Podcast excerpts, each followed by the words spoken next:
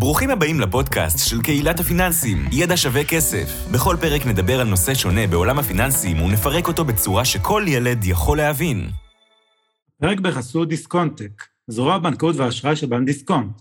דיסקונטק מלווה חברות הייטק משלב ה seed ועד שלב ה hyper growth. ההייטק מתבגר ואיתו גם היזמים שיודעים לבנות חברות גדולות ומשמעותיות. ההתבגרות של השוק מאפשרת לחברות שהגיעו לשלב initial revenues לגוון את מקורות המימון שלהן. ולשלב בין מימון equity למימון בחוב.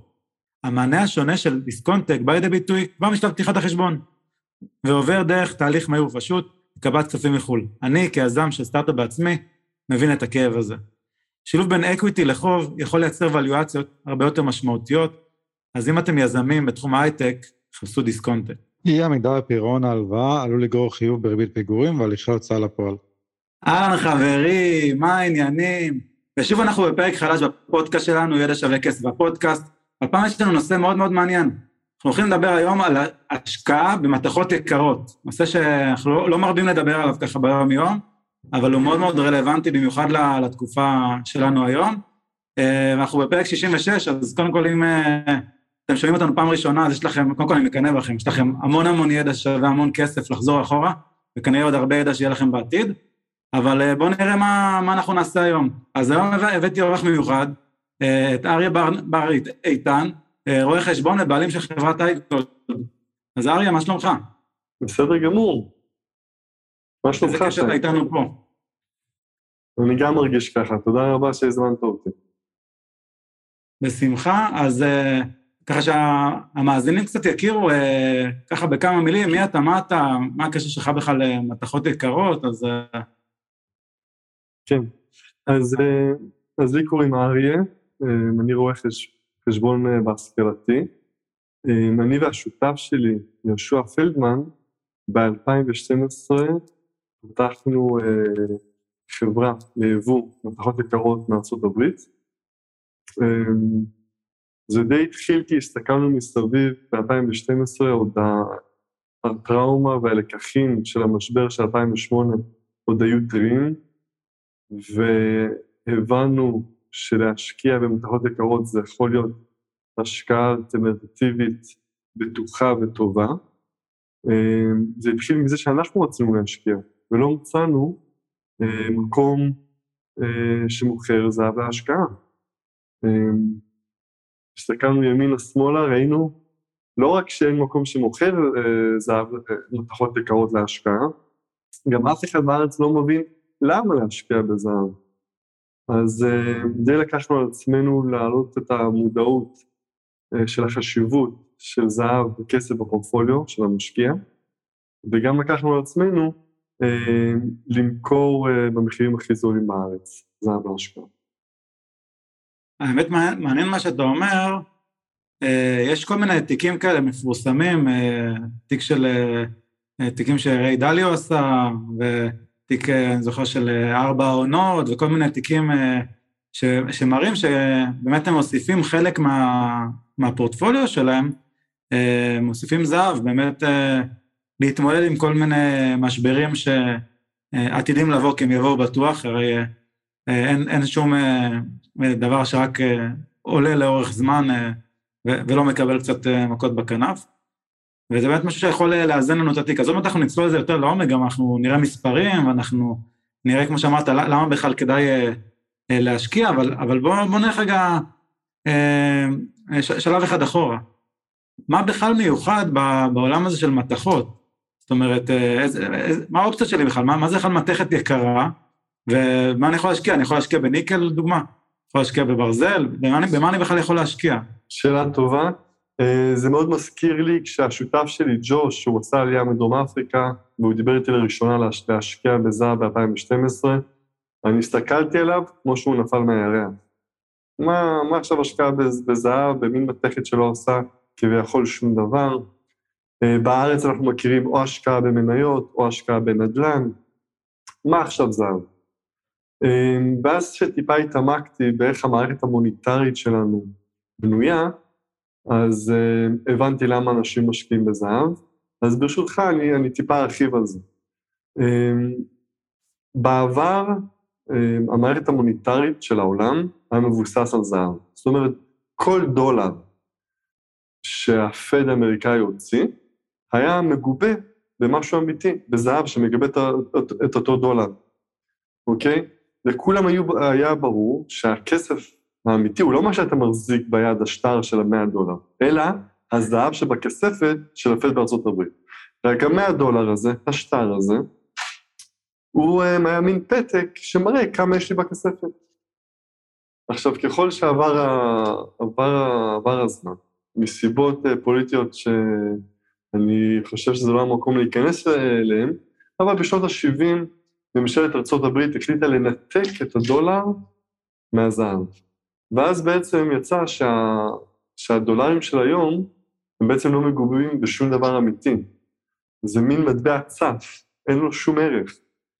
אמ, והרבה אנשים לא, לא מבינים את הקונספט הזה. זאת אומרת, המאה דולר שבתוך הכיס שלנו, הוא בעצם לא שווה כלום. אין לו שום ערך מאחוריו. כלום, כלום, כלום.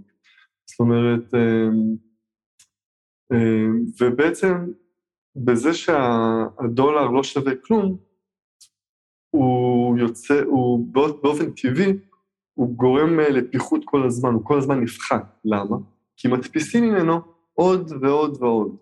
איך עובד צורת ההדפסה? כולם מדברים על מדפיסים כסף. עכשיו, מה הכוונה מדפיסים כסף? איך זה עובד בפועל?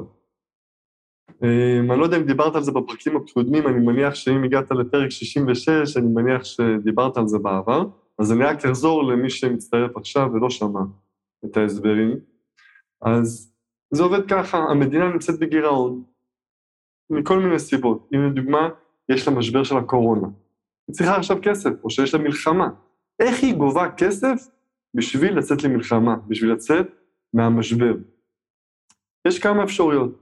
או מההון העצמי של, של המדינה, אם יש לה מפעלים, או, או איזשהו חברות שמרוויחות כסף, ואת הרווחים האלו יכולה לקחת לממן את המלחמה. אבל לרוב זה לא פרקטי, כי הם צריכים המון כסף כאן ועכשיו. ואז כשהם רואים רווחים מהקצת חברות שבבעלות הממשלה, זה לוקח המון המון זמן. אז זה אה, אפשרות שהיא לא, לא סבירה והיא לא קורית בפרקטיקה. אפשרות שנייה, זה על ידי המיסים. אבל כולנו יודעים שלגבות מיסים כאן ועכשיו זה קשה. אה, רוב החברות מגישות את הדוחות השנתיים רק שנה, שנתיים, אחרי, ש... אחרי שנת המס.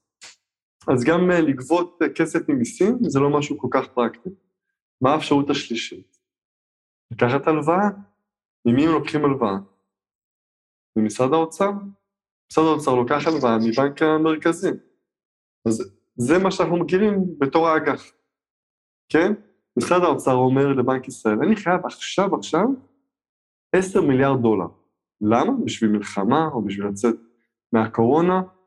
הסיבה תמיד, אה, הסיבות משתנות, אבל תמיד יש סיבה לכסף כאן ועכשיו. אה, בנק ישראל אומר, כמובן, קח 10 מיליארד אה, שקל, בשמחה יש לך מספיק ביטחונות כי אתה מדינה, בתמורה, תשלם, תשלם לי אה, ריבית מסוימת.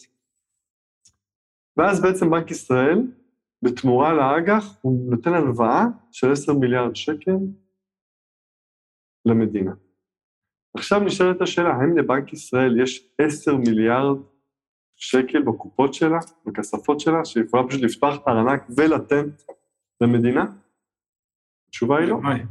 הלוואי, התשובה היא לא. זה נקרא הדפסת כסף. כשהם בעצם אה, כותבים צ'ק יש מאין על 10 מיליארד שקל, וככה נכנס עוד 10 מיליארד שקל למערכת.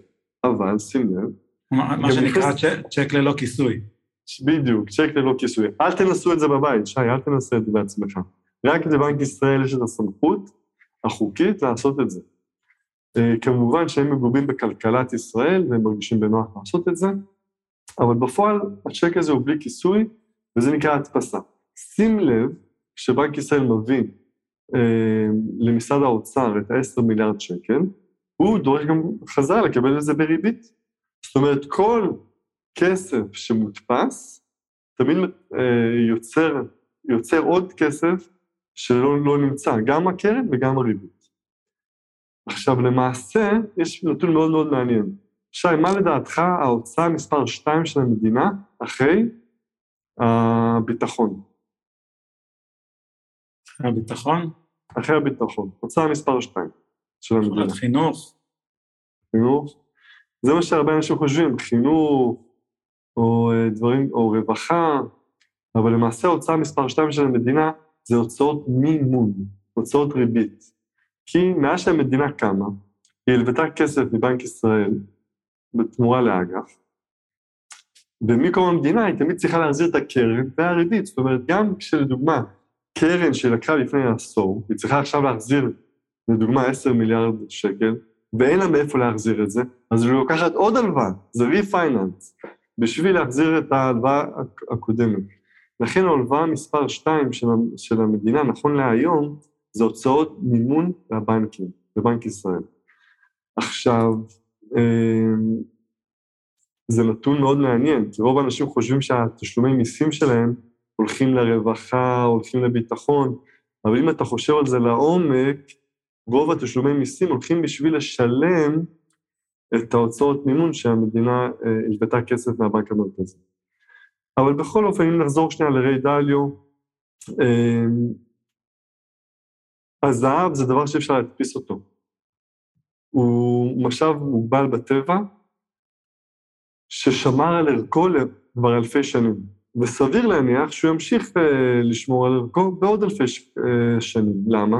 כי המזומן, כמו שהסברנו עכשיו, המזומן שנמצא בכיס של כולנו, זה לא משנה אם זה שקל או דולר או יורו, הוא מקורו בחטא, מקורו בהדפסות, בהלוואות. הוא בעצם מייצג חוב, אם תחשוב על זה לעומק. הדבר היחידי שמשוחרר מכל חוב, והוא באמת כסף אמיתי, זה, זה הזהב וכסף. הזהב וכסף, שהוא משאב טבע מוגבל, שמשחר ההיסטוריה שומר על ערכו, עם הרבה אנשים בארצות הברית קוראים לזה הכסף של אלוקים. למה? כי זה משאב מוגבל בטבע, והשם כיוון שזה יהיה הכסף האמיתי הטבעי שיהיה בעולם, שאי אפשר להדפיס אותו ואי אפשר אה, לשכפל אותו. הוא עשוי מחומר אה, כימי, שלא ניתן לשכפל אותו ולא ניתן להעתיק אותו. לא כמו יהלומים, שאפשר לעשות יהלומים אסתטיים או, או אה, להעתיק אותם. אז ככה שזו הסיבה למה אנשים אה, מאוד מאוד אוהבים שיהיה להם זהב בפורפוליו, אה, כי, לא, כי הוא לא ניתן להעתקה ולא ניתן לשכפול ולא ניתן להפחית אותו.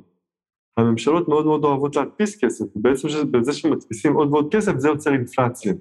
ואני בטוח שגם השומעים שלך מבינים מה זה אינפלציה, אבל רק בקצרה, במשפט אחד, uh, נגדיר אינפלציה. אינפלציה זה בעצם פיחות בכסף. שי, אתה זוכר כשהיינו קטנים, אם הייתה שולחת אותנו לקנות פלאפל, כמה עלה פלאפל בשתייה? כשהיינו קטנים? אני דווקא זוכר עם כרטיס לקולנוע, פעם הייתי קונה כרטיס לקולנוע ב-18 שקלים, וככה ברב חן בתל אביב. היום גם אם זה 1 פלוס 1, אני לא, לא מקבל 18 אה, שקלים כרטיס אחד. נכון. אז אני, אני זוכר את הפלאפל, אני זוכר את הפלאפל ואת הטרופית, זה היה שמונה שקל. פלאפל וטרופית. היום פלאפל וטרופית זה סביבות ה-20 שקל. עכשיו נשאלת השאלה, מה קרה? הפלאפל יותר גדול, יש יותר כדורים, מה, מה קרה? למה פתאום הפלאפל עולה מ-8 שקל ל-20 שקל? אלא, זה מה שקורה כשמדפיסים כסף. השוק מריח ומבין שהוא כבר שווה פחות. ולכן הוא גם קונה פחות. כוח הקנייה שלו ירד, ואנשים רוצים יותר ממנו. כי השקל פעם היה יותר חזק, וככל שעובר הזמן, בגלל ההדפסות, השקל הולך ונחלש. אגב, לא רק השקל, גם הדולר, והמחירים עולים. אגב, גם מחירי הדירות. הרבה אנשים אומרים, אה, הדירות עלו בגלל שיש הרבה ביקושים ואין הרבה היצע. לפי השקפת עולמי, אמ, השוק מרגיש שהשקל שווה פחות, והם יכולים לשלם המון המון שקלים במזומן, בשביל שיהיה להם נכס אה, מוחשי ביד. בסוף זה נכון, אה, אגב, לכל דבר, כל עניין של היצע וביקוש. ברגע שיש הרבה, היצע והביקוש לא גדל באותה מידה, אז אה, ככה זה, ככה, ככה זה משפיע על המחירים. מעולה, אז, אז ככה דיברנו קצת על, על סחורות, אה, דיברנו במיוחד על זהב, אה, שהזהב ניתק אה, כל קשר למציאות, או ליתר דיוק ניתק כל, כל קשר לשטרות האלה שאנחנו מכירים, אם, אם זה דולר הברית, ככה, ככה זה התחיל, אבל מן הסתם אה, גם אה, לשקלים. אה, וכאן עכשיו נשאלת השאלה, אוקיי, אז נניח והחלטתי שאני רוצה להשקיע בזהב. אוקיי, עוד מעט נראה למה, אם זה בכלל כדאי, אבל נניח והחלטתי שאני רוצה להשקיע. אז יש לי הרבה דרכים להשקיע בזהב. אני יכול להיכנס לבורסה, אוקיי, לפתוח חשבון מסחר בבנק או בברוקר זר או בבית השקעות ישראלי, לא משנה, אם יש פרק מיוחד עשינו על זה, אתם יכולים לחזור אחורה. ו- ואני יכול לבחור בעצם אה, איזשהו נייר ערך שהוא מחקה את ההתנהגות של הזהב לדוגמה. אוקיי? אותו דבר אני יכול להשקיע גם אה, בסחורות אחרות, בתירס, אה, בנפט וכולי. אבל אני יכול, כמו שאמרת, ממש להחזיק את הזהב פיזית אצלי. זאת אומרת, ממש, כמו שיש הרבה, בעיקר נשים, אבל יש גם גברים, זה תלוי, תלוי באופי, שמסתובבים עם כל מיני תכשיטים מזהב. אוקיי, כמובן אנחנו מדברים על זהב אמיתי, אז אה, אני יכול ממש להחזיק את הזהב אצלי, אה, אז איך זה עובד? אני מחזיק אה, מטיל זהב, כאילו כמו, כמו, כמו בסרטים של פעם, כזה מעין מלבן כזה, טרפזי עולה, ואם כן, איפה אני שם את זה? אם אני שים את זה על הבלטה, יכול להיות שהבלטה תקרוס למטה, לא? ואז אני צריך להשקיע בנדל"ן, לשפר שם את הבלטה. נכון, שאלה טובה. אז אני, אני, אני קצת ארחיב על איך, איך ניתן להשקיע בזהב. ומה ההבדל בין זהב על הנייר לבין זהב פיזי. אז לגבי המחירים קודם כל, כי זה מתקשר לאיך להשקיע בזהב. אם אתה תעשה בגוגל gold price, מחיר הזהב, אתה תראה שמחיר הזהב היום הוא 1,851 דולר. מה זה המחיר הזה? מה זה אומר? זה נקרא מחיר הספוט, spot price. זה אומר שמי שרוצה לקנות זהב על הנייר, אוקיי? יכול לקנות אונקייה, אונקייה זה 31 גרם, מה שאני מחזיק עכשיו ביד זה 31 גרם. אם אתה תקנה אותו בבורסה על הנייר, זה 1,851 דולר, נכון לעכשיו. מי שרוצה לקנות זהב פיזי, בכל מדינה יש פרמיה על להחזיק את הפיזי. למה? כי הסוחרים שמוכרים זהב פיזי כמוני, יש לנו עלויות. יש לנו עלויות שילוח, יש לנו עלויות ביטוח, שיווק, זה עסק לכל דבר ו- ודבר. המחיר שאתה רואה באינטרנט, זה מחיר, אה, מה שנקרא תעודת סל מחקה, אוקיי? שהיא בסך הכל חוזה שהומצא בבורסה. חוזה נניח שביני לבין, לבינך, לבין שם, שאומר, אם מחיר הזהב יעלה, גם החוזה בינינו יעלה. ואם מחיר הזהב ירד, גם החוזה בינינו ירד. אז היתרון, אה, היתרון אה, בלהחזיק זהב על הנייר הוא באמת מחיר יותר זול. אתה משלם רק מחיר הבורסה, מה שנקרא. לקנות את הנקייה הזאת. עוד יתרון שיש בו, מי שסוחר ורוצה לעשות נגיד מכה, הוא חושב שבחודש, חודשיים הקרובים הזהב יעלה או ירד, הוא רוצה לעשות שורט או להיכנס פנימה ולקנות uh, פוזיציה, אז שווה לו ויותר כדאי לו לקנות זהב על הנייר, כי כל, התרגזה, כל, ה, כל העסקה היא הרבה יותר מהירה והרבה יותר זולה. אבל מי שרוצה לקנות זהב כביטוח לפורפוליו, שלא משנה מה יקרה, יתהפך העולם, הזהב יישאר לו, אז כמובן הוא יעדיף לשלם פרמיה ולהחזיק את הזהב ביד. כי יש אמרה מאוד מפורסמת, שלא מה, מה שלא באמת ביד שלך, לא באמת בבעלותך. באמת ראינו את זה בקורונה, בקורונה שהכל היה סגור ואף אחד לא יכול לנסוע לא לאמריקה ולא למזרח. מה שהיה לך ביד, אה, אה, זה מה שבאמת אה, היה בבעלותך.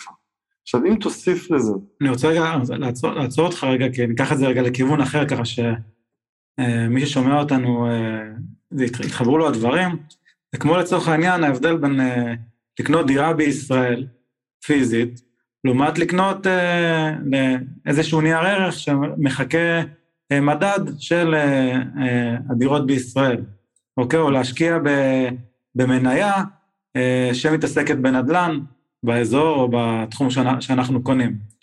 אז, אז לצורך העניין, אני יותר רואה אנשים שרצים אה, לקנות נדל"ן פיזי, לא משנה אם זה בתל אביב, ברחובות, בפתח תקווה, לא חשוב איפה, כמובן לא המלצה, אבל בסופו של דבר, אני פחות רואה אותם שועטים על, ה, על המניות של, של אותן אה, אה, חברות, או או של אה, מדד שמשקיע באזורים האלה, אה, כי, כי הם לא מרגישים שזה פיזי, כי כשיש משפט שאומר, כשגשם יורד, כולם נרטבים.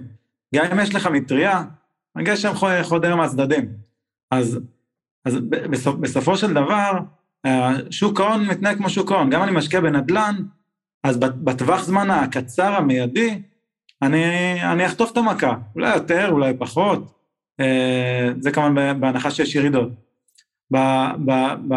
בנדל"ן, לצורך העניין, אין, אין משהו שאין איזה טיקר כזה, כמו בשוק ההון, שמראה בכל רגע נתון מה הערך של הדירה, אוקיי? או מה הערך של המניה. ולכן בסוף אה, זה... אני צריך רק בן אדם אחד בסוף שיקח את העסקה במחיר שאני רוצה. כמו, כמו שאמרנו, צו וביקוש, בסוף זה עסקה זה שקונה ומוכר נפגשים מרצון. אז אותו דבר ב, ב, ב, בסחורות, או במקרה שלנו ספציפית בזהב, כשאני קונה זהב פיזי, הזהב הוא אצלי. זהב הוא אצלי פיזית, הוא לא אה, אה, עולה ויורד אה, אה, אה, כל רגע, אה, אומנם יש לו, יש, יש לו איזשהו מחיר שוק, אבל הוא לא, אה, הוא לא רץ כמו אה, אה, זהב שיכול לעלות בתנודתיות מאוד גבוהה, כי כל רגע מישהו מסקר אותו ו, ו, ו, ורץ להסתכל מה, מה המחיר שלו. נכון מאוד, אבל בזהב זה אפילו יש יותר סיבה מאשר נדל"ן שיהיה לך פיזי ביד, כי התכלית בהשקעה בזהב זה ביטוח ליום הדין נקרא לזה. ביטוח שיש משבר כלכלי או משבר גיאופוליטי שאנחנו לא מצליחים לדמיין מהו. ואז כשיש לך זהב ביד, אז, אז אתה באמת אה, שמור. אם יש לך זהב בבורסה, אבל אם יש משבר אה, אה, אה, גיאופוליטי ענקי, אז מה זה עוזר שיש לך מדד אה, שאומר שיש לך זהב? או אם הדולר יקרוס, כי הרי אמרנו, אם תבדקו מה החוב של ארה"ב, ואתם תראו שהחוב רק עולה ועולה, ועכשיו גם כשהעלו את הריבית, גם אוטומטית גם החוב של ארה"ב עולה, אוקיי? אז הדולר הוא רחוק רחוק מלהיות אה, חוף מבטחים עבור משקיעים. הדולר הוא משהו מאוד מאוד מסוכן. ככל שעובר יותר זמן, שהוא ניתק את עצמו מהזהב, הוא, הוא מייצג חוב יותר גדול בעצם. ואם תסתכל בהיסטוריה, לא היה פיאט um, קורנסי אחד, פיאט קורנסי זה מזומן שלא מגובה בזהב. לא היה פיאט קורנסי אחד שהחזיק את עצמו לאורך כל ההיסטוריה. תמיד יש לך אה, אה, מערכות מוניטריות שכל כמה שנים מתחלפים ומשתנים. תסתכל לדוגמה על השקל, אוקיי? התחלנו בתור לירה, ואז שקל ישן, ועכשיו אנחנו בשקל חדש. כל איזה עשרים שנה המערכת המוניטרית ממציאה את עצמה מחדש. כשיש איזו אינפלציה שיוצאת משליטה. מה אתה חושב שיקרה לדולר, שי? אז אני אה, מושקע בדולר. אוקיי. אה, חשוף אליו בהשקעות כאלה ואחרות, אבל בסופו של דבר אני מסתכל על זה בתור אה, פיזור, זאת אומרת, אני, אני בעד, כמו, כמו, כל, כמו כל השקעה, בעד לפזר במספר מטבעות. כיום התקופה ארוכה מאוד השקל התחזק, עכשיו הדולר קצת נותן אותות למעלה, אבל אי אפשר באמת לדעת מה, מה יקרה, שוב זה תלוי באיזה טווח, אבל באמת לפי, לפי, לפי מה שאמרת, המטבעות באמת משתנים, ויכול להיות מצב שמטבע שאנחנו מחזיקים ייעלם לגמרי, אוקיי? זאת אומרת, יכול להיות שיהיה איזושהי אה, אופציה להחליף אולי אה, עם, עם אותה ממשלה או אותה ישות מוניטרית, אמרת, את המילה מוניטרית, אז מי שלא מכיר זה כלכלי, אז אותה, אותה אה, ישות מוניטרית תיתן אולי להחליף, שלא לא נשאר עם עם אה, שטר שלא שווה כלום, יכול להיות שגם לא, אה, זה תלוי, תלוי מה יקרה, אבל, אבל אה, בסופו של דבר, זה, יש פה באמת סיכון ש, שמטבע שאנחנו מחזיקים בו, ואנחנו כל כך סומכים עליו היום, יכול להיות שהוא יום אחד ייעלם.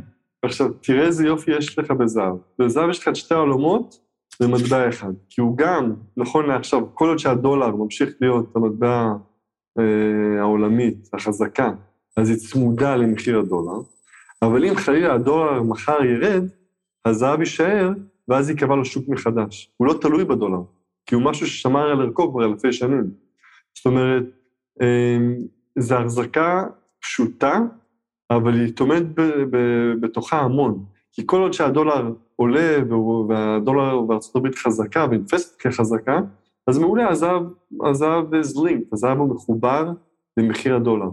אבל אם תהיה קריסה של הדולר, הדולר ייפול והזהב יישאר, כמו שהוא עשה כבר אלפי שנים. ואז מי שמחזיק זהב פיזי ביד, הוא באמת הרוויח מהנפילה. כי אז איזה מערכת חדשה שלא תקום, היא תהיה מגובה בזהב כנראה, ואפילו, ואם יש תקופה של כאוס, אז אפשר להשתמש בזהב כאמצעי חליפין בין בני אנשים, וממש לצאת למסע קניות, אה, שהרבה הרבה אנשים שמושקעים בזהב מחכים לו. האמת, יש אה, סרטון מאוד מעניין שיצא ככה, לפי בחודשיים האחרונים של אה, ריי דליו, שהוא אחד האנשים העשירים בעולם, שהוא הבעלים של הקרן גידור ווטרברידג', אז הוא מדבר על זה באמת, על ה... הזכרת קודם מלחמות, הזכרת פיחות, אז באמת מדבר על, על העניין הזה של מחזוריות. כלומר, שכל פעם מה שקורה, יש, יש איזוש, איזושהי מדינה שהיא שולטת, הייתה תקופה שאנגליה היו, שלטו, הגיעו לאפריקה וכולי וכולי, הייתה המעצמה הבריטית, הייתה המעצמה של צרפת, הכל מיני מעצות, המעצמה של הולנד, כל פעם באה איזושהי מעצמה, כבשה, השתלטה, העבירה את המטבע שלה, המטבע שלה נסחר בהכי הרבה מקומות בעולם, ואז מדינה אחרת, המטבע שלה לאט לאט הלך ונעלם. ועכשיו באמת המטבע, כמו שאמרת, שהוא כרגע הכי שולט בעולם זה דולר, וריי דליו מדבר על זה שגם, אה, הוא מראה כל מיני סממנים, זה די מעניין, אולי נשים את הלינק למי שירצה לשמוע על זה יותר פרטים אחר כך, אבל הוא מדבר על זה שבאמת הדולר מראה כבר אה, סימנים של סוף התקופה, והוא ככה מצביע שמי שתקום במקום זאת תהיה סין. אז אה, זה יכול להיות שבאמת אולי, אולי אנחנו נראה כיוונים שהדולר לאט לאט ייעלם, והיין, או אולי גם שם עם מטבעות אחרים, ייכנס במקום. לגמרי. יש גם מטולטלת מאוד מעניינת שאם תסתכל על ההיסטוריה, שעוברת בין המזרח למערב כמעצמות, אבל זה כבר מאות שנים. כל כמה מאות שנים הכוח נמצא במערב, ואז עובר למזרח, ואז חזרה למערב. אה, זה תהליכים היסטוריים שקרו בעבר, ואני מניח שהם גם יקרו בעתיד. אה, שים לב, הזכרת את סין, אה, תנסה לבדוק כמה זהב סין קונה, כי הרי סין היא יצואנית, היא... יש לה המון מפעלים, והיא מוכרת את רוב הסחורות שלה לארצות הברית. מה היא מקבלת בתמורה על הסחורות שלה? דולרים. מה היא עושה עם הדולרים האלו? הרי היא יודעת שהדולר לא שווה הרבה. אז היא מנסה כמה שיותר להמיר את הדולרים האלו, שלא שווים כלום באמת, לנכסים. אז סין אה, יוצאים במסע קניות של נדל"ן ברחבי העולם, וגם לא מעט זהב. שים לב שסין אה, מתחמשת וקונה המון המון זהב, יש אה, נתונים מפורסמים כמה זהב בנקים מרכזיים מחזיקים בעולם, אין בנק מרכזי שלא מחזיק זהב. סינים לצערנו הם לא כל כך שקופים, אבל אם אתה תעקוב אחרי דוחות שמפורסמים, אתה תראה שהם קונים לא מעט זהב בשנים האחרונות, בעשור האחרון, כי הם כבר מחכים ליום שהם יחליפו את ארה"ב, והם יודעים שהמטבע צריך להיות מגובה בזהב, בשביל שבאמת אה, יהיה להם את המטבע החזק בעולם. מעולה, אז אני רוצה רגע לחזור רגע, אז אוקיי, הצלחת לשכנע אותי, יאללה, בוא, בוא, בוא נקנה זהב פיזי, אה, מכל הסיבות שאמרנו, שאם המטבע יתחלף למטבע אחר, הזהב פשוט אה, ייצמד, או לתת גם מטבע ייצמד לאותו זהב, זאת אומרת, עליי זה לא ישפיע בתור מישהו שמחזיק זהב פיזי. אבל נניח אני רוצה לקנות זהב פיזי, עכשיו, רגע אחד ברצינות. איך אני עושה את זה? מה, אני, זהב זה משהו שהוא כבד, זה לא... זאת אומרת, אם אני עכשיו, אה, לא יודע, אה, סבתא בת 70, אני לא אסחוב פה זהב עכשיו, זה לא משהו שמתאים לי לסחוב את זה בכמויות, אז, אז מה, מה, מה עושים בפועל? מה עושים בתכלס? כן. אמ, בפועל יש המון אפשרויות. אמ, אם זה רק מטבע אחד או שתיים, אתה יכול להחזיק את זה בארנק. אני מסתובב תמיד עם כמה מטבעות עליי. זו תחושה טובה. בתוך הארנק שלי מטבע קטנה ששוקלת 31 אה, גרם, היא שווה 2,000 דולר. זה בערך 7,000 שקל, אז אה, זה תמיד עליי בארנק.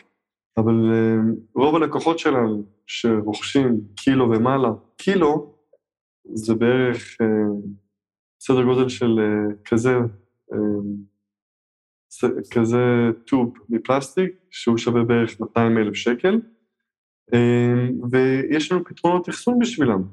אנחנו מאחסנים את זה באילת, בחברת האבטחה הכי גדולה באילת, ביטוח.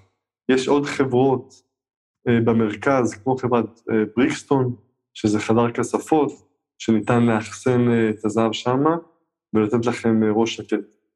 אה, הכי חשוב שזה יהיה בבעלותכם, זה לא משנה אם זה בבית שלכם בכספת, או בכספת של חדר כספות. כל עוד שזה בבעלותכם המלאה, ואתם רואים את זה ומחזיקים את זה ביד, אה, זה מספיק טוב. וכמובן שיש ביטוח. אה, יש ביטוח כמובן על הסחורה, זה משהו שהוא חובה ומביא לכם באמת אה, רוגע. אוקיי, ש- שאלה, שאלה מעניינת שככה קופצת לי לראש, אמרנו שבאיזשהו שלב הדולר אה, ניתק את, ה, ניתק את עצמו מה, מה, מהזהב. בין השאר זה קרה כי, כמו שאמרת, היה הדפסה של כסף, כלומר, היה יותר שטרות ממה שאפשר אה, לשייך לצורך העניין לפיזי, לזהב. מה, מה, מה שאומר שאין אין אין סוף זהב בעולם. נכון, אה, זהב זה משאב מאוד מאוד מוגבל. אה, אה, אפשר להפיק מהאדמה אולי רק אחוז אחד הוא בשנה מהזהב שיש. לדוגמה, אם יש אה, 100 קילו זהב בעולם, אז הוא יתווסף בעוד קילו אחד כל שנה. העלויות קריאה הן מאוד מאוד יקרות. צריך בעצם לחצוב אולי 100 קוב של חול בשביל להוציא אונקייה אחת מהאדמה. יש פה עלויות מאוד מאוד גדולות, אה, וזה בעצם מה שמביא לו את ערכו. זה הסיבה למה אנשים משקיעים בזהב, כי כל כך קשה אה, להוציא אותו מהאדמה ו- ולהכין מטבע. אה, זה הופך אותו למשאב מוגבל, משאב טבע מאוד מאוד מוגבל, וזה מה שמביא לו את הערך. אז בוא נדבר רגע גם על... אה, דיברנו על איפה אפשר לאחסן בכספות, אמרנו שאפשר לאחסן בבית שלנו, יש כל מיני שירותים, בריקסטון, אה, הזכרת וכולי. בוא נדבר קצת על מחירים.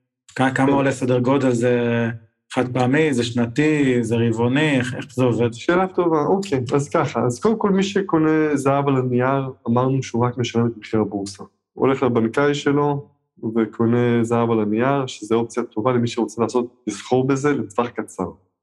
מי שרוצה לסחור לטווח קצר, אני לא ממליץ לו לקנות זהב פיזי. לא שווה לו להוציא עמלות אה, יקרות בשביל אה, עסקה חד פעמית או לטווח קצר. אבל מי שמעוניין אה, להשקיע את הכסף שלו בזהב לטווח רחוק, דהיינו שלוש שנים ומעלה, אז בהחלט כדאי לו אה, לקנות זהב פיזי.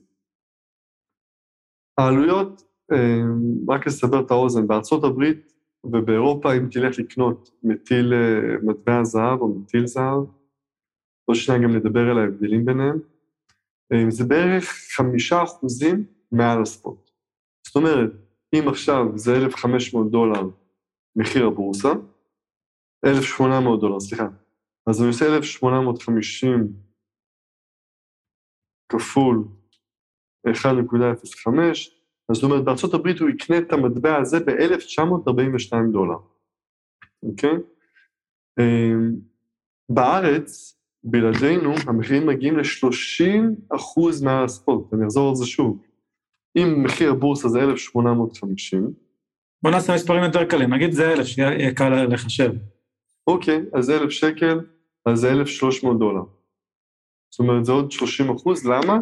כי אצל המתחרים שלנו הם חברות גדולות, יש להם הרבה הוצאות מטה ועובדים ולוקיישנים, אמ, וגם יש את המע"מ של 17 אחוז, שמאוד מעקר את הרכישה של הזהב הפיזי בישראל. אמ, אז בארץ זה 30 אחוז מעל, הספוט, שכאמור זה השקעה מאוד יקרה ולא כל כך כדאית. אצלנו, בגלל שאנחנו נמצאים באילת, אז אין לנו את ה-17 אחוז מע"מ. אז אנחנו מוכרים בספוט פלוס בערך 8 אחוזים. זאת אומרת, אנחנו עדיין יותר יקרים מארצות הברית בשלושה אחוזים, ועדיין, אבל עדיין מש, מאוד משמעותית, יותר זולים מאשר המתחרים בארץ. הרבה אנשים שואלים למה, למה אני לא יכול להשוות את המחירים שלי למחיר בארצות הברית? התשובה היא פשוטה, בארצות הברית מוכרים זהב במיליארדים, אז הם יכולים להוריד את, ה, את, ה, את המרג'ן, את הרווח. אצלי, בארץ אנחנו רק מוכרים בעשרות מיליונים בשנה, ולכן אמ, אני חייב לפחות את השלושה אחוזים האלו בשביל הרווח הגולמי, בשביל להפעיל את העסק. אמ, אה. זה, זה עדיין, זה לא הרבה לכל אחד, אבל בשבילנו אנחנו לוקחים את המינימום בשביל לקיים את, ה, את העסק בארץ, אבל שוב, אני מקווה שיום אחד אנחנו גם נמכור במיליארדים, ואז נוכל אה, להוריד את המחירים ולהשוות לארצות הברית ואירופה. מעולה. אז עכשיו אה, אה, דיבר, דיברנו קצת על המחירים. אה, רגע, עוד משהו אחד לגבי האחסון.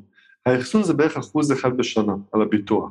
זאת אומרת, אם לקוח מעוניין שאנחנו גם ניתן לו את השירותי אחסון, זה 0.9 אחוז לשנה. נניח הוא רכש ב-100,000 שקל, אז הוא רק צריך לשלם 900 שקל בשנה בשביל uh, האחסון והביטוח. מעולה. אז עכשיו אני, אני רוצה, רוצה להיות, להיות קצת פרקטי. אוקיי, הבנו, הבנו איך קונים, הבנו את ההבדלים, זאת שזה עשה הרבה מאוד סדר, אני מאמין, להרבה אנשים, אבל עכשיו בואו קצת אה, נדבר קצת על, אה, כמובן כמו שאנחנו אומרים, לא ייעוץ ולא המלצה, אנחנו זורקים פה רעיונות, סתם אה, אה, לייצר פה חשיבה משותפת אה, ולחשוף אתכם לעוד דברים. אז בסופו של דבר אה, אנחנו המון המון מדברים אצלנו בקהילה על אה, להיות משקיע פסיבי, אה, כשקשה לנצח את המדדים, אה, אפילו הבאנו והבאנו לישראל אה, אה, את הספר של ג'ון בוגל, המדריך למשקיע המתחיל, שהפך להיות, היה רב מכר בחו"ל, אבל גם הצלחנו לגרום להיות רב מכר בישראל.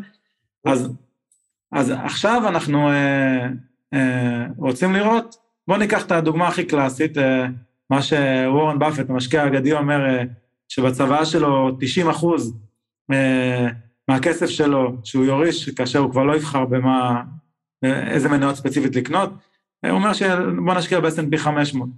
אז בואו ניקח את ה-S&P 500 לדוגמה, ובואו נשווה את זה רגע לזהב. בואו נשווה את זה ככה בכל מיני אה, אה, תקופות, ו- ולא רק זה, עכשיו אנחנו בתקופה מאוד מעניינת, אנחנו מקליטים את הפרק בתחילת יוני 2022, אני לא יודע מתי תשמעו את הפרק, ואנחנו בתקופה שמתחילת שנה יש הרבה ירידות, יש פה ושם תיקונים, לפעמים קצת עולה למעלה, אבל יש הרבה ירידות, הרבה אנשים אה, נכנסים לפאניקה כי, כי אולי זה המשבר הראשון שלהם, לא יודע עדיין אם זה משבר או לא, אנחנו נדע רק בעתיד, אבל uh, חזרנו ככה כמה שנים אחורה, ואחרי uh, עליות, ובסופו של דבר זה, זה בדיוק העיתות משבר, זה בדיוק הזמנים שבו פה נבחן החוזק של המתכות היקרות, פה נבחן, קוראים לזה המקום אה, מבטחים, החוף מבטחים הזה, שהעיניים של כל המשקיעים נשואות אליהם, אוקיי, אנחנו משקיעים בזהב, אנחנו אמרנו, אנחנו לא באים לעשות פה עכשיו ספקולציה, אנחנו לא אה, טריידרים, לא משקיעים יומיים שעכשיו אה, רוצים אה, לקנות ולמכור מיד, אנחנו אמרנו, אנחנו שמים את זה כאיזון לתיק, למקרה שעכשיו התיק יורד משמעותית, מכל מיני סיבות, כמו שדיברנו, פיחות, אה, יש הרבה מאוד סיבות, ואנחנו רוצים שהזהב יהיה מקום המבטחים. אז בואו נעשה השוואה רגע בין הזהב, ל...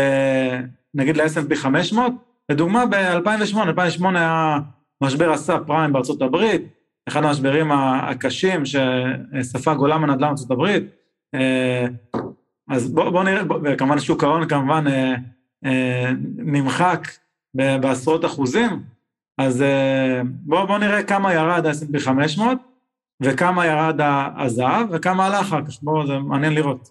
מעולה. אמ, אז אה, כמו שאמרתי לך, אני בדיוק ביקשתי מחברת C-Value, זו חברה פיננסית מאוד רצינית, שהם עושים כל מיני ניתוחים כלכליים, הם גם קבילים לבתי משפט. אמ, זאת אומרת, הערכות שווי שלהם והניתוחים שלהם, אמ, גם המוסדיים מקבלים אותם כסמכות, וגם הבתי משפט בארץ. אז ביקשתי מהם לערוך השוואה בין ה-S&P 500 לבין הזהב. ויצאו דברים מאוד מאוד מעניינים. אני ברשותך אתחיל עם, המש... עם המשברים, כמו שאתה ביקשת. אז אה, לפני משבר 2008 היה משבר הדוט קום ב-2002. אה, אני לא יודע מי מהמאזינים אה, היה באותה תקופה וחווה את המשבר, אבל היה משבר מאוד מאוד רציני. וב-2002 ה-S&P 500, שאני מניח שהלקוחות, שהמאזינים שלך אה, יודעים מה זה S&P 500, שזה בעצם ה-500 החברות הכי גדולות, עם, המנ... עם התקציבים הכי גדולים, עם המנכ"לים הכי חכמים, עם המשאבי אנוש הכי משופלל של ארה"ב. זה S&P 500. באמת חברות מאוד מאוד רציניות ומאוד מכובדות, וה-S&P 500 ב-2002, ב-2002 הוא ירד ב-37 אחוזים. ומה הזהב עשה ב-2002? הזהב עלה ב-27 אחוז. שים לב, ה-500 חברות הכי גדולות צונחות ב-37 אחוז, והזהב עולה ב-27 אחוז. זה נתון מדהים. המתכת הפשוטה הזאת, המתכת אה, הטבעית הזאת, אה, עלתה ב-27 אחוז בזמן משבר. עכשיו, ב-2008 מה היה? ב-2008 ה-S&P ירד ב-43 אחוזים, והזהב עלה בכמעט 40 אחוז. הזהב עלה ב-39 אחוז ב-2008. עכשיו, שי, אם אתה חושב וחושש שאנחנו לקראת המשבר הבא, מה לדעתך יקרה? איך שאני מסתכל על, התח... על ההיסטוריה, אם ב-2008 ה-S&P ירד ב-43 אחוז, וב-2002 כגם 37 אחוז, כ-40 אחוז, והזהב עולה בסביבות ה-30 אחוז, אז אה, שוב, לא ממליץ ואני לא יודע מה יקרה מחר, אבל אם אה, ההיסטוריה תחזור על עצמה, אז אנחנו נראה ירידות של כ-30 אחוז ב-S&P 500, ושם הזהב באמת נוצץ ונותן fight ועולה בסביבות 30 אחוז. עכשיו, אני לא חושב שכל הפורטפוליו צריך להיות בזהב. הוא אמצעי גידור, הוא ביטוח ליום הדין. אני חושב שעד 20-30 אחוז מהפורטפוליו צריך להיות בזהב, שאם באמת חס וחלילה יהיה משבר, אז הזהב יוכל לפצות על התשואה של התיק. ואם כבר דיברנו על תשואות, אה, בשנים האחרונות הזהב עשה תשואות, מדהימות בתקופות האחרונות. אם אתה רוצה קצת אה, אה, לעבור על התקופות ולהגיד למאזינים מה הזהב עשה, אז, אז בכבוד. אתה רוצה שאני, שאני אקריא, שאני אעבור על זה? מה שתרצה. טוב, מעולה, אז, אז אני אשמח שככה ככה, תעבור על זה. בואו בוא ניקח ככה תקופה, ובואו באמת נשווה, אם אנחנו כבר משווים, אז בואו נשווה גם, אה, גם למדד אה, בישראל, גם S&P 500, שזה מדד בארצות הברית, וגם לזהב, ככה נשווה שלושה דברים, ונראה כמה כל אחד עשה באותה תקופת זמן. מעולה. אז בואו ניקח, בוא ניקח אולי כמה מדדים, אה, שלושה, שלושה תקופות. בואו ניקח את התקופה של ה... נניח אה, שנה וחצי, שנה וארבע האחרונות. בשנה וארבע האחרונות אה, הזהב דווקא ירד בשלושה אחוזים.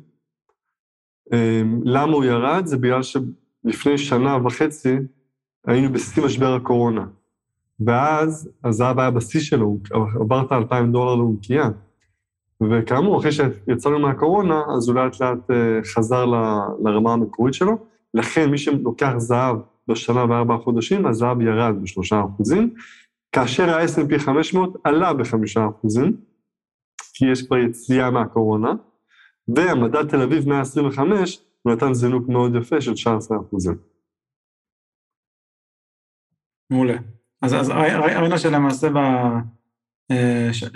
בשנה אה, וארבע, אה, דווקא מדד, מדד ישראלי אה, עשה אחלה של תשואות, צריך גם לזכור שהשקל מאוד מאוד התחזק, יש פה הרבה קשר גם לעניין הזה, זאת אומרת ה-S&P מן הסתם מושפע מהדולר, אז אנחנו צריכים לזכור שבסוף אנחנו קונים במכולת בשקלים, כי אנחנו לא קונים לא בזהב, ולא, עדיין לא, ולא, ולא ב, לא בדולרים, אז זה גם משהו שחשוב להסתכל על זה בתור משקיע ישראלי, כי משקיע ישראלי צריך להסתכל. במנסרה מאוד מסויד, וזה שונה מהמנסרה של אה, משקיע דומה, אולי עם אותם צרכים במדינה אחרת, בסוף הוא קונה במטבע המקומי. אוקיי, אז, אז ראינו, ראינו שנה וארבע, שלמעשה הזר בכלל ירד, mm-hmm. אבל S&P 500 עלה, וכמובן הצד ישראלי עלה, יותר פי כמה, אוקיי. בואי נסתכל על, על, על החמש, אה, חמש וארבע חודשים. בחמש שנים האחרונות, הזהב עלה ב-60 אחוז, ה-S&P 500 ב-71 אחוז, והתל אביב ב-56 אחוז. זאת אומרת שבסך הכל היה עלייה מאוד יפה ב-5.4 בכמעט כל המדדים, אבל שימו לב, למרות שה-S&P 500 עקף ב-11 אחוזים את הזהב, אבל בואו, הזהב נתן פה פייט יפה, הוא עלה ב-60 אחוז ב-5.4 השנים האחרונות. עכשיו, אם אתה מסתכל על ה-S&P 500 ואתה חושב שנייה על המשמעות, ה-500 חברות הכי גדולות בארצות הברית עלה ב-71 אחוז, והזהב, שהיא כולה מתכת, עלתה ב-60 אחוז, זה מטורף. לגמרי. אוקיי, בואו בוא, בוא, בוא נלך ככה יותר אחורה, בואו נלך ל-15 שנה נלך אחורה. 15 שנה גם כן, זה מאוד דומה. הזהב דווקא עלה ב-190 אחוז, כאשר ה-S&P רק ב-171 אחוז, זאת אומרת, הזהב לטווח הרחוק מנצח את ה-S&P 500, הוא עלה ב-190 אחוז, וה-S&P רק ב-170 אחוז, והתל אביב 100 דווקא רק ב-100 אחוז עלה ב-15 שנים. כנראה שהכלכלה האמריקאית עדיין יותר חזקה מהכלכלה הישראלית. זאת אומרת שבטווח זמן כבר נחשב ארוך, כי מעל עשר שנים, אה, אנחנו בדרך כלל בכל הדיונים שאנחנו מגדירים את זה כטווח ארוך, אז ב-15 שנה, הזהב, חתיכת מתכת, ניצח את ה-S&P 500 ואת אה, מדע תל אביב. זאת אומרת, זה ב-15 שנה. בואו בוא נגדיל ל-20 שנה, אוקיי? בואו נדבר קצת על ההשקעה אולי לילדים שלנו, אוקיי? אולי לטווח מדע. ב-20 שנה הזהב כיסח את ה-S&P 500, כמעט בפי שתיים. ב-20 שנה האחרונות הזהב עלה ב-562 אחוזים, כאשר ה-S&P רק ב-245 אחוז, ותל אביב ב-344 אחוז. אני רגע ברשותך מתעכב על הנתון הזה, כי כל פעם שאני חושב עליו אני נדהם מחדש. הזהב עלה ב-20 שנים האחרונות ב-562 אחוז, כאשר ה-S&P רק ב-245 אחוז. זאת אומרת, הזהב אה, עלה בכמעט 150 אחוז, יותר מ-150 אחוז, יותר מה-S&P 500, והסברנו כבר מה זה ה-S&P 500. והמתכת הפשוטה הזאת, הכסף של אלוקים, כמו שקוראים לה בארצות הברית, עלה ב-562 אחוז, זה נתון מדהים. אני הייתי ממליץ לוורן באפט גם לשים uh, קצת בזהב, לא רק ב-S&P 500. אני, אני לא דואג לוורן באפט, אבל... Uh... אני מתחיל לדאוג, אני רואה את הנתונים האלה ואני דואג לו, שי. הוא יכול להרוויח יותר בזהב. אה, בסופו של דבר, הנתון הזה באמת מתיישב לי ככה עם הנתונים שאני מכיר, כי S&P 500, אין, אין נקודה שנחפש בזמן היסטורית שסדר גודל, לא, אה, מעל ל-10 או 12 או 15 שנה, אה, צריך להיות במספר מדויק, שלמעשה ה-S&P 500 הפסיד, אוקיי? בערך במאה השנים האחרונות. זה רק במשברים. זה רק במשברים. זה בדיוק היה, בדיוק היה עשור שתחילת שנות האלפיים, סדר גודל 2001 עד 2010, או 2000 עד 2009, משהו כזה, ש-S&P 500 דווקא ירד עשור שלם, ואז אחרי המשבר הסאב אה, פריים, הוא הביא ככה איזה קפיצה משמעותית. אז שלוקחים באמת טווח זמן של 20 שנה, שהוא כולל גם את הירידות ואז את העליות אחר כך, הזהב לא, לא חווה את המשבר הזה במשך עשר שנים, כי, ה, כי כמו שאנחנו רואים פה, הזהב כשהוא יורד, זה לא, זה לא כמו... אה, משבר כזה של אה, אה, חברות שנכנסים עכשיו למיתון וכל מיני דברים כאלה, אוקיי? אז באמת הזהב ככה הצליח לנצח בטווח זמן ארוך, ועכשיו אנחנו באמת אחרי יותר מעשור כבר אה, של עליות, לא נביא, לא יודע מה יקרה, אוקיי? אף אחד לא יודע מה יקרה, אבל באמת אם ניכנס לאיזשהו שלב של מיתון, או איזשהו שלב שקצת יותר קשה, כי אנחנו בעולם של עליית ריבית כרגע, ובעולם של אה, שאף פעם לא היה בהיסטוריה, שהיה סביבת ריבית אפס הרבה מאוד שנים. אז ב... מן הסתם, ככל, ככל שהריבית תעלה, אה, יהיה יותר משתלם לשים את הכסף דווקא בפיקדון בבנק, כי הפיקדון בבנק זה, אה, זה ללא סיכון כביכול, או כמעט ללא סיכון, כי בכל השקעה יש סיכון, אבל זה נקרא נכס חסר סיכון, ו, ו, ולמעשה נוכל לקבל איזושהי תשואה אה, גבוהה ככל שהריבית תעלה. אז מה, ש, מה, ש, מה שאמור לגרום, שוב, תאורטית, אה, לזה שאנשים פחות ירצו להשקיע במניות, כי יש להם אלטרנטיבה עם פחות סיכון במקום אחר.